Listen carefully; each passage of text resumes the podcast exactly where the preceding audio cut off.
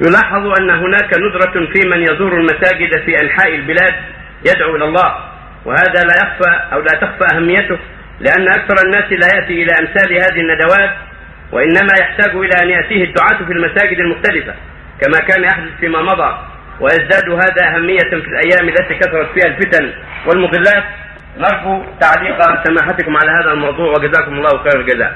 هذا حق واجب مثل ما تقدم في جميع مساجد الدنيا حق على العلماء نسأل الله يكثرهم حق عليهم أن يسعوا في الأرض للدعوة إلى الله ولتعليم الناس في المساجد وفي غير المساجد الاجتماعات الأخرى والندوات التي تعقد خارج المساجد.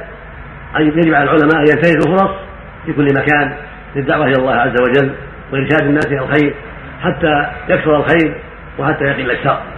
هذا واجب على الجميع كما تقدم.